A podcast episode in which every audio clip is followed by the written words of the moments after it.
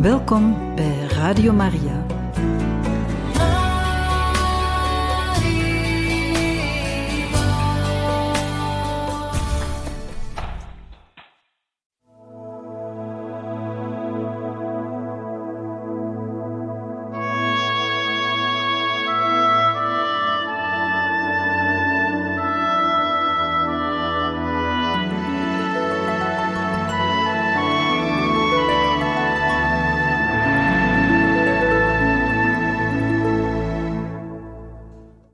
Waren bezig met een hele race laatste wilsbeschikkingen betreffende de bezittingen van en goederen van de paus uh, Johannes de 23e in Sotto il Monte. En vandaag gaan we nog eventjes mee verder. Aan de priesters van het Heilig Hart te Bergamo, mijn geliefde medebroeders, het grote portret op linnen achter glas van de schilder Lusana, voorstellende Monsignor Radini Tedeschi, dat de Camaitino bewaard wordt, en de grote schrijftafel die ik geërfd heb en die door deze prelaat tot aan zijn dood gebruikt is. Aan de parochiekerk de Sotto in Monte, die ik zo graag meer had willen nalaten, legateer ik behalve de verschillende geschenken die ik reeds gaf, het met goud en zilver geborduurde misgewaad dat ik uit Frankrijk heb meegebracht. Aan dezelfde kerk moeten men mijters gegeven worden om bij feestelijke plechtigheden op het credenstafeltje geplaatst te worden, als dit, en voor zover dit toegestaan is of getolereerd wordt door de liturgische voorschriften. Mijn klein houten altaartje, dat nu provisorisch dient als altaar voor de moeder van smarten, moet ten gebruike van de kerk blijven. Aan het kleine heiligdom van de Madonna delle Caneve alle voorwerpen van mijn privékapel, in het geval deze na mijn dood niet meer voor de eredienst gebruikt zal worden, en tevens de kelk in barokstijl, gift van graaf Vittorio Mappelli, ter gelegenheid van mijn bischopswijding. Aan mijn neef Don Battista, de zilveren kelk die ik geërfd heb van de overleden Monsignor Vincenzo Bugarini, eertijds mijn rector aan het Romeins seminari, en die in mijn huis dicht bij de kerk van Santa Maria in Via Lata gestorven is.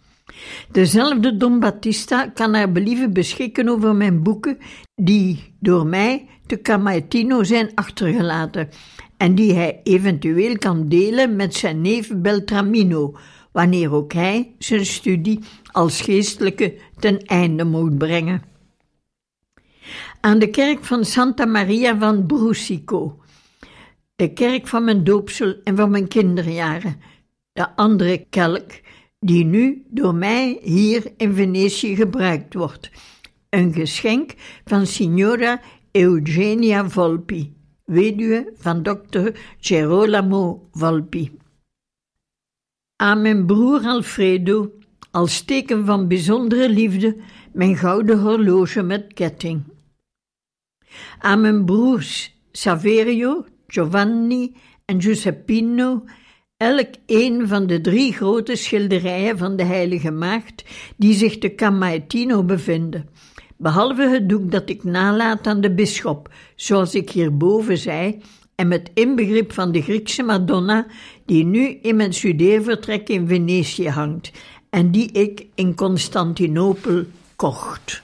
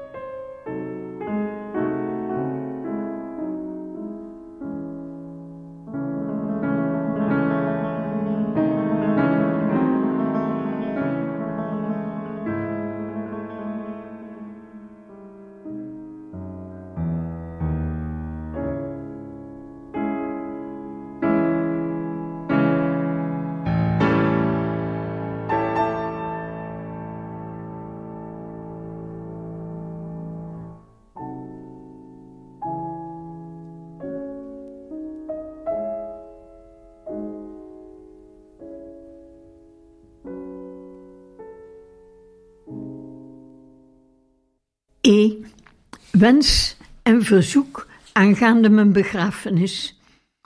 Ik spreek tot mijn geliefde kinderen van Venetië een laatste gedachte en wens uit, betreffende de rustplaats van mijn gebeente in afwachting van de uiteindelijke verrijzenis. Ik verdien geen bijzondere aandacht of onderscheiding, maar omdat het begraven van de doden een werk is van barmhartigheid, roep ik deze barmhartigheid voor mijzelf in bij allen die mij liefhadden en die ik zo beminde, met de vraag voor mijn lichaam een plaats in de crypte van San Marco te vinden, dicht bij de tombe van de evangelist, volgens de eerbiedwaardige voorschriften en tradities van de katholieke kerk in de gehele wereld. En met het verzoek dat men mijn onmiddellijke voorgangers, wier graven zich in verwaarloosde toestand bevinden, in de huiskapel toegewijd aan de Allerheiligste Drieëenheid van het Patriarchale Seminarie en op het eiland van San Michele, samen met mij in een krans rond de graftombe van de grote beschermheilige van Venetië zal plaatsen.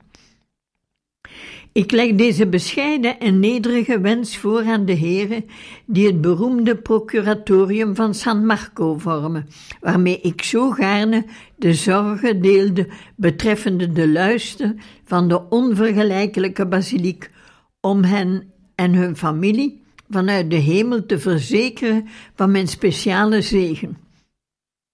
In het geval dat aan deze wens geen gevolg gegeven zou kunnen worden, wil ik graag als mijn laatste rustplaats, in afwachting van de verrijzenis, de kerk van Santa Maria della Salute aanwijzen, onder de liefderijke blik van onze gemeenschappelijke moeder van leven en doden, en deed bij mijn patriarchale seminarie, waar de meest vreugdevolle verwachtingen van de kerk van Venetië groeien en bloeien.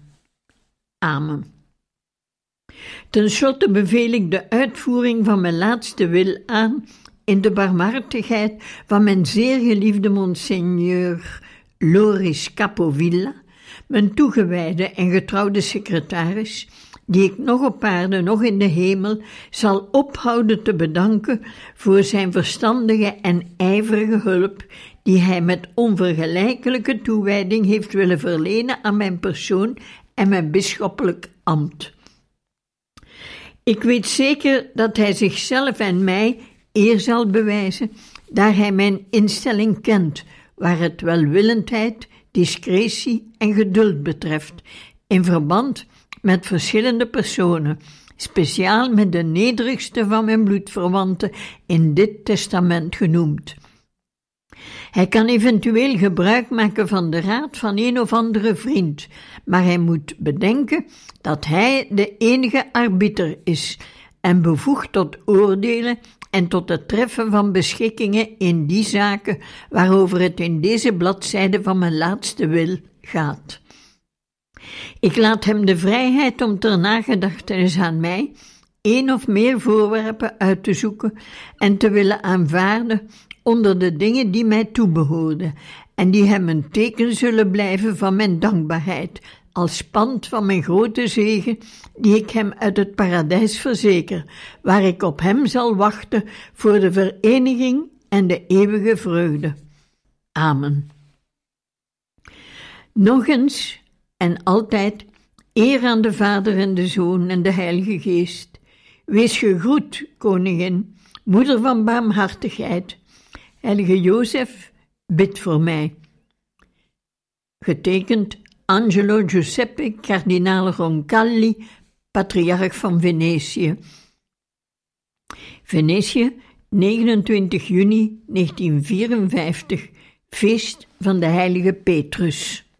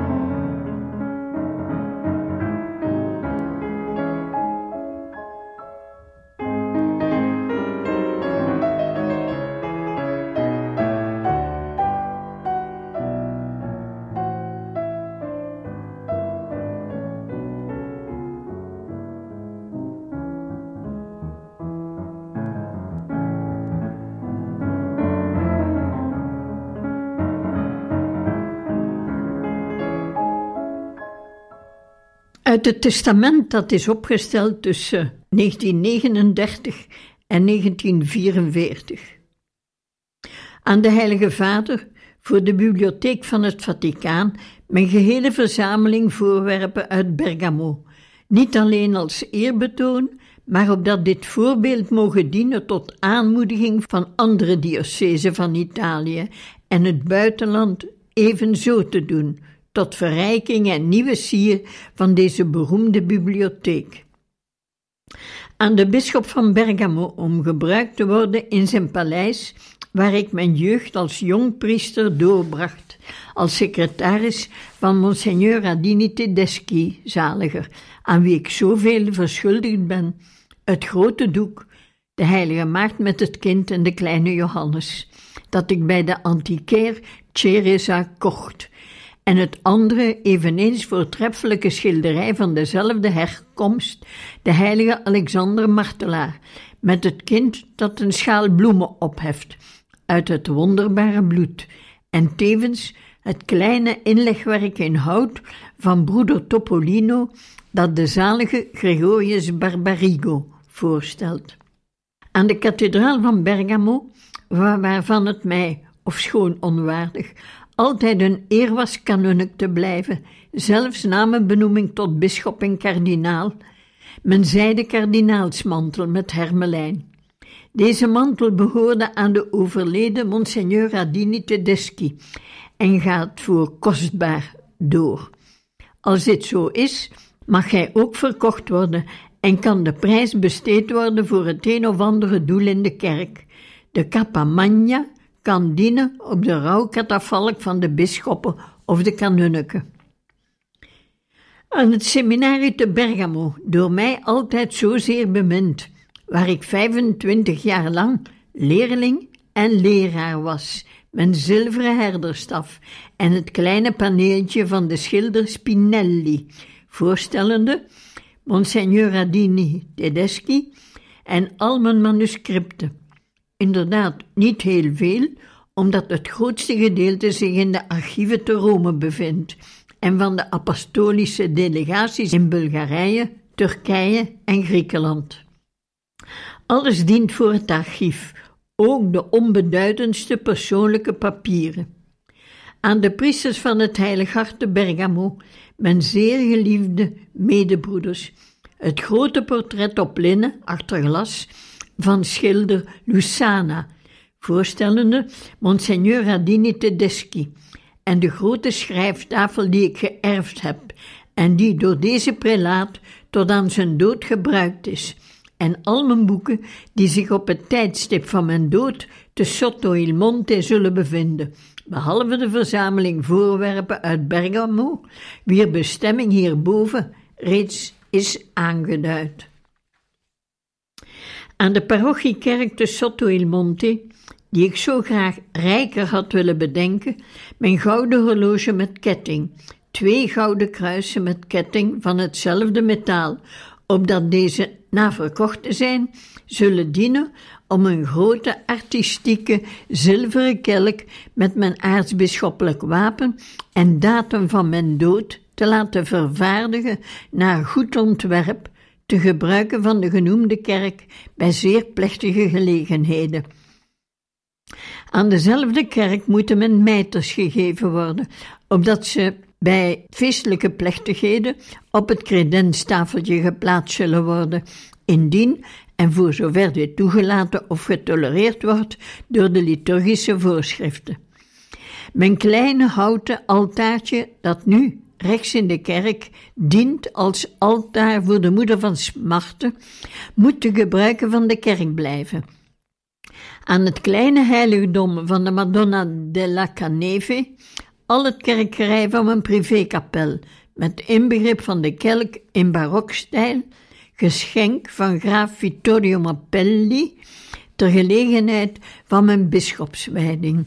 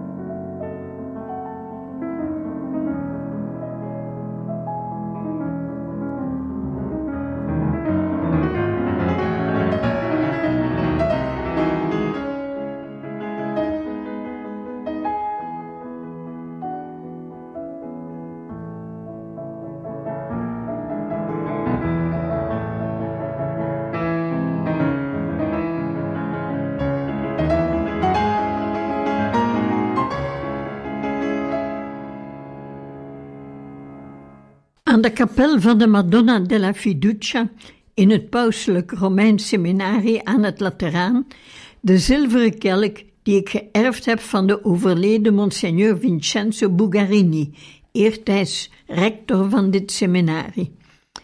Aan de kerk van Santa Maria van Brusico in Sotto il Monte, de kerk van mijn doop en van mijn kinderjaren, de andere kelk, geschenk van Signora Eugenia Volpi, weduwe van dokter Gerolamo Volpi. Ik vraag mijn zusters om als speciale herinnering aan mij, aan mijn broer Alfredo, het zilveren horloge te geven dat zich reeds in zijn kamer te Camaitino bevindt, en aan de drie broers Saverio, Giovanni en Giuseppino elk een van de op linnen geschilderde drie grote schilderijen van de Heilige Maagd, die zich te Camaitino bevinden, of de afbeelding op hout die op het ogenblik te Istanbul is en vandaar opgestuurd zal worden, waar deze zich ook zal bevinden wanneer ik zal sterven. Ik wens dat zij in de familie blijven als herinnering aan de gestorven oom die aartsbisschop was. In Istanbul blijven alle boeken die ik zelf gekocht heb en die mijn eigendom waren op het uur van mijn dood. Zij zullen dienen voor mijn opvolgers. Wat betreft mijn lichaam vraag ik als genade aan de Heilige Vader dat Hij het goed zou vinden dat het naar Sotto il Monte, mijn geboortegrond, zal worden overgebracht en daar in de parochiekerk begraven zal worden, dicht bij de trap die naar het priesterkoor leidt, op de plaats waar men gewoonlijk voor de begrafenis en de rouwdiensten de baar van de arme dode plaatst, om vandaar mijn ziel aan te bevelen in de gebeden van die goede en eenvoudige gelovigen, mijn bloedverwanten en streekgenoten, om alle tezamen en altijd hen en hun nageslacht te zegenen. Op de steen die mij voor altijd zal bedekken en waarover de voeten van allen zullen gaan, wens ik dat tezamen met mijn nederige naam, datum en aanduiding van de ambten die ik in dienst van de Heilige Kerk vervuld heb, de woorden geplaatst worden die een samenvatting zijn van mijn leven en mijn dood. Obedientia et pax gehoorzaamheid en vrede. Ik wens dat de pastoor van Sotto il Monte een speciaal aandenken gegeven zal worden en dat deze beschikkingen zullen gelden, behoudens eventuele wijzigingen of toevoegingen. In de naam van de Vader en de Zoon en de Heilige Geest. Amen. Jezus, Maria, Jozef, mogen ik in vrede met u sterven. Getekend Angelo Giuseppe Roncalli, aartsbisschop van Messembria. Deze bladzijden zijn alle door mij met de machine geschreven.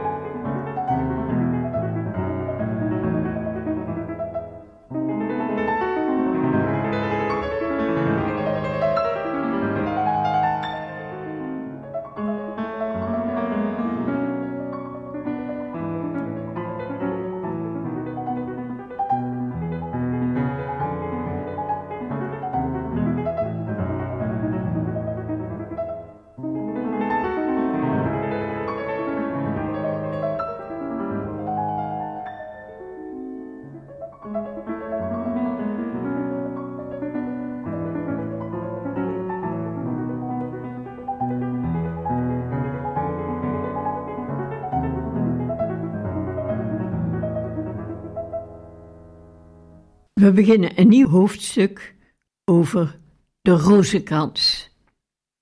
Apostolische brief van zijn heiligheid Johannes de 23ste, gericht aan het episcopaat en aan de gelovigen van de katholieke wereld. Eerbiedwaardige broeders, beminde zonen, heil en apostolische zegen. De godsdienstige bijeenkomst van zondag 10 september te Castel Gandolfo, met de grote opkomst van kardinalen en prelaten, corps diplomatiek en een menigte gelovigen overal vandaan, was geheel vervuld van een gevoel van grote zorg omtrent het probleem van de vrede. De tegenwoordigheid van onze nederige persoon, onze bewogen stem, was het lichtende middelpunt dat richting gaf aan deze ontmoeting. Door onze gewijde en gezegende handen is het Eucharistisch offer van Jezus, redder en verlosser, Salvator et Redemptor Mundi en vredesvorst van de eeuwen en van de volkeren, opgedragen. Alle naties waren daar vertegenwoordigd om ruime melding te maken van de universaliteit. Een opmerkelijke groep vormde, te midden van de andere, de leerlingen van het college van Propaganda Fide, als een appel aan alle, ook niet-christelijke volkeren, die echter alle om vrede smeken. Wij hebben vol ontroering en tegelijk vol vertrouwen op die betekenisvolle avond ons voornemen aangekondigd om achtereenvolgens wanneer de gelegenheid zich hiertoe zal voordoen, bijeenkomsten te laten houden om aldus de mensen gezamenlijk te laten bidden voor het behoud van de vrede in de gehele wereld en voor de redding van de beschaving. Tot dit doel en om een voorbeeld te geven, hebben wij ons een paar dagen later naar de catacombe van Sint Callistus begeven, die het dichtst bij onze zomerresidentie liggen, om daar, bij de heilige gedenktekenen van al degenen die ons voorgingen, veertien pausen, veel bisschoppen en beroemde martelaren uit de geschiedenis, de bijstand af te smeken van hun hemelse voorspraak, om aan alle volkeren, alle behoren immers op de een of andere manier tot Christus, de grote schat van de vrede te verzekeren. En nu staan wij voor de maand oktober, die volgens de vrome vertrouwde traditie in christelijke liefde gewijd is aan de verering van de ons lieve vrouw van de Rozenkrans. Opnieuw wordt hier een waardevolle gelegenheid geboden tot algemeen gebed tot de Heer, voor hetzelfde verheven doel dat zowel de enkeling als de families en volkeren aangaat.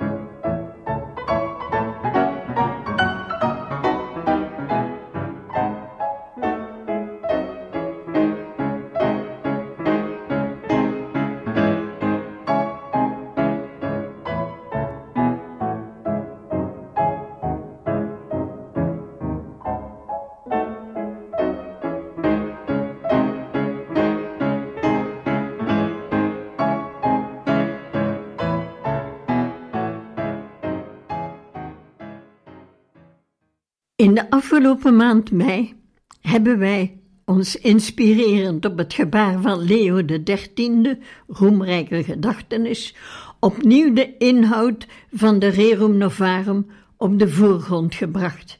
En deze uitgebreid door onze encycliek Mater et Magistra met de bedoeling de katholieke leren steeds meer in overeenstemming te brengen met de eisen van de menselijke en christelijke samenleving. Wij willen er nu aan herinneren dat deze grote paus, die eens in onze jeugd het licht en de leidraad van onze geest was, bij onze voorbereiding tot het priesterlijk ambt, bij het naderen van de maand oktober, meerdere malen aan de christelijke wereld de uitnodiging herhaalde tot het bidden van de heilige rozenkrans, dat aan alle kinderen van de kerk aanbevolen wordt als een gewijde en heilzame overweging, en als voedsel voor geestelijke verheffing en als hulpmiddel tot hemelse genade voor de gehele kerk. Zijn opvolgers waren erop gesteld deze vrome en ontroerende traditie in ere te houden. En wij willen nederig deze grote vereerde herders van de kudde van Christus volgen. Niet alleen waar het de steeds grotere zorg voor de belangen van de gerechtigheid en van de broederlijkheid betreft bij het leven hier op aarde, maar ook in het vurig streven naar de heiliging van de zielen, dat onze ware kracht is en tevens de waarborg voor goede resultaten als antwoord vanuit de hemel aan de stemmen op aarde die omhoog komen uit de oprechte zielen die dorsten naar waarheid en naaste liefde. Reeds bij de nadering van oktober 1959 richten wij ons tot de katholieke wereld met de encycliek Grata Recordatio. En het jaar daarop zonden wij, met hetzelfde doel, een brief aan de kardinaal vicaris van ons diocese in Rome. Daarom scheppen wij er genoegen in, vereerde broeders en geliefde zonen, over heel de wereld u dit jaar op te roepen tot eenvoudige en praktische gedachten die de devotie tot de heilige rozenkrans ons ingeeft, als krachtig voedsel en ter versterking van onze levensprincipes, die dienen om richting te geven aan uw denken en bidden. En dit alles moet de uitdrukking van volmaakt en eerlijke christelijke liefde en altijd in het licht van de algemene smeekbeden voor de vrede onder alle mensen en onder alle naties staan. De rozenkrans als oefening van de christelijke devotie onder de gelovigen van de Latijnse ritus, die een belangrijk deel van de katholieke gemeenschap uitmaken, komt voor de geestelijke wat betekenis betreft na de heilige mis en het brevier en voor de leken na het ontvangen van de sacramenten. De rozenkrans is een gewijde vorm van de vereniging met God en betekent altijd een hoge geestelijke verheffing.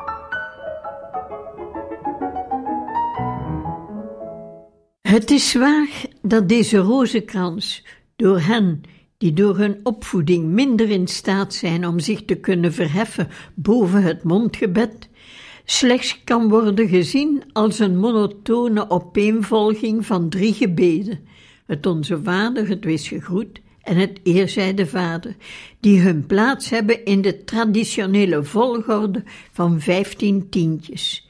Dit is zonder twijfel al iets.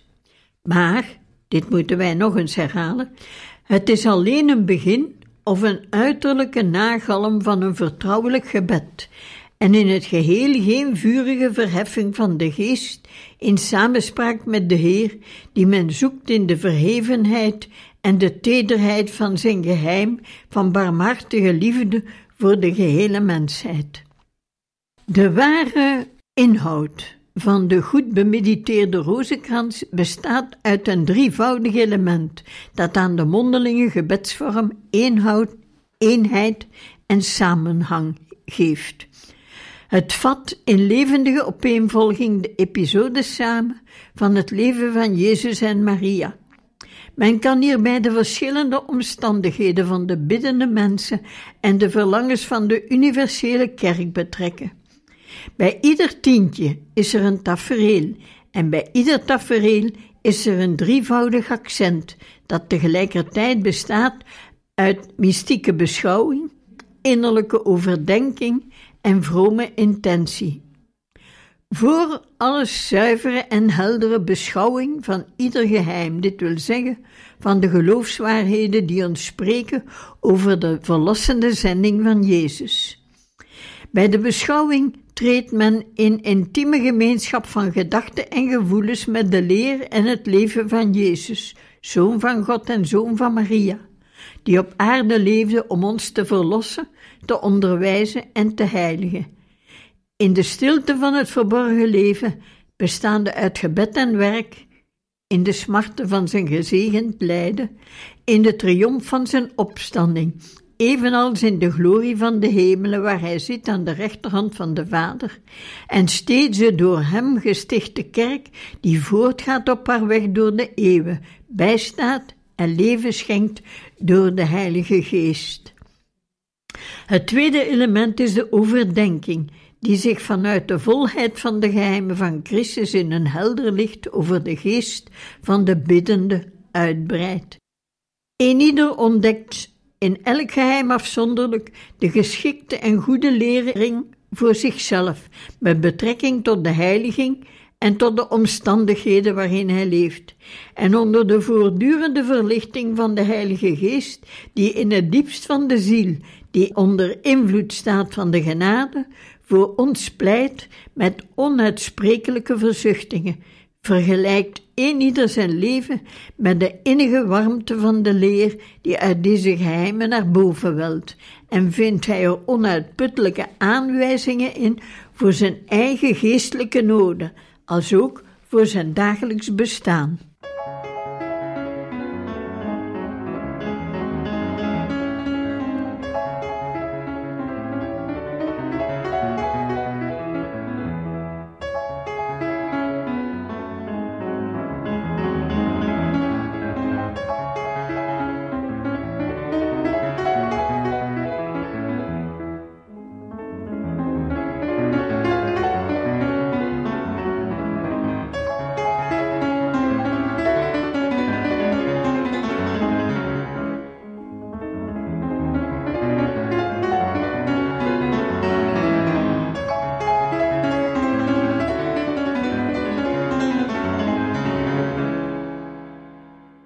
Ten slotte is er de intentie.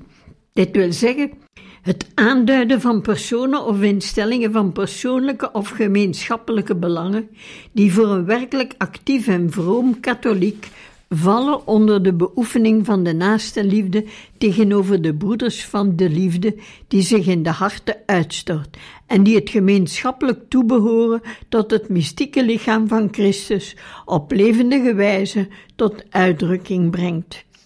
Op deze wijze wordt de rozenkrans een algemene smeekbede van ieder mens afzonderlijk en van de onmetelijke gemeenschap van de verlosten, die uit alle streken van de aarde enkel in één enkel gebed ontmoeten. Het zij in de persoonlijke smeekbede om genade bij de individuele omstandigheden, als ook in het deelnemen aan het grote en eensgezinde koor van de gehele kerk voor de belangen van de gehele mensheid. De kerk leeft zoals de goddelijke verlosser wilde, te midden van bitterheid, tegenslag en stormen van sociale verwarring, die dikwijls tot een dreigende angst worden. Maar haar blikken zijn op één punt gericht en de krachten van de natuur en van de genade zijn altijd gericht op de hoogste bestemming van het eeuwige einddoel. Dit is de rozenkrans van Maria, beschouwd in zijn verschillende elementen, samengevoegd op de vleugels van het mondgebed en met dit gebed verweven als een luchtig en rijk kantwerk, vol warmte en geestelijke bekoring. Het mondgebed komt daardoor ook tot volle betekenis, Allereerst komt het onze Vader dat aan de rozenkrans toon, inhoud en leven geeft. En omdat het volgt na de aankondiging van de verschillende geheimen, wijst het de overgang van het ene tientje naar het andere aan. Dan het wees gegroet dat de echo's in zich draagt van de jubel van de hemel en aarde rondom de verschillende voorstellingen uit het leven van Jezus en Maria. En tenslotte het driemaal eer aan de Vader herhaald in aanbidding voor de Allerheiligste Drievuldigheid.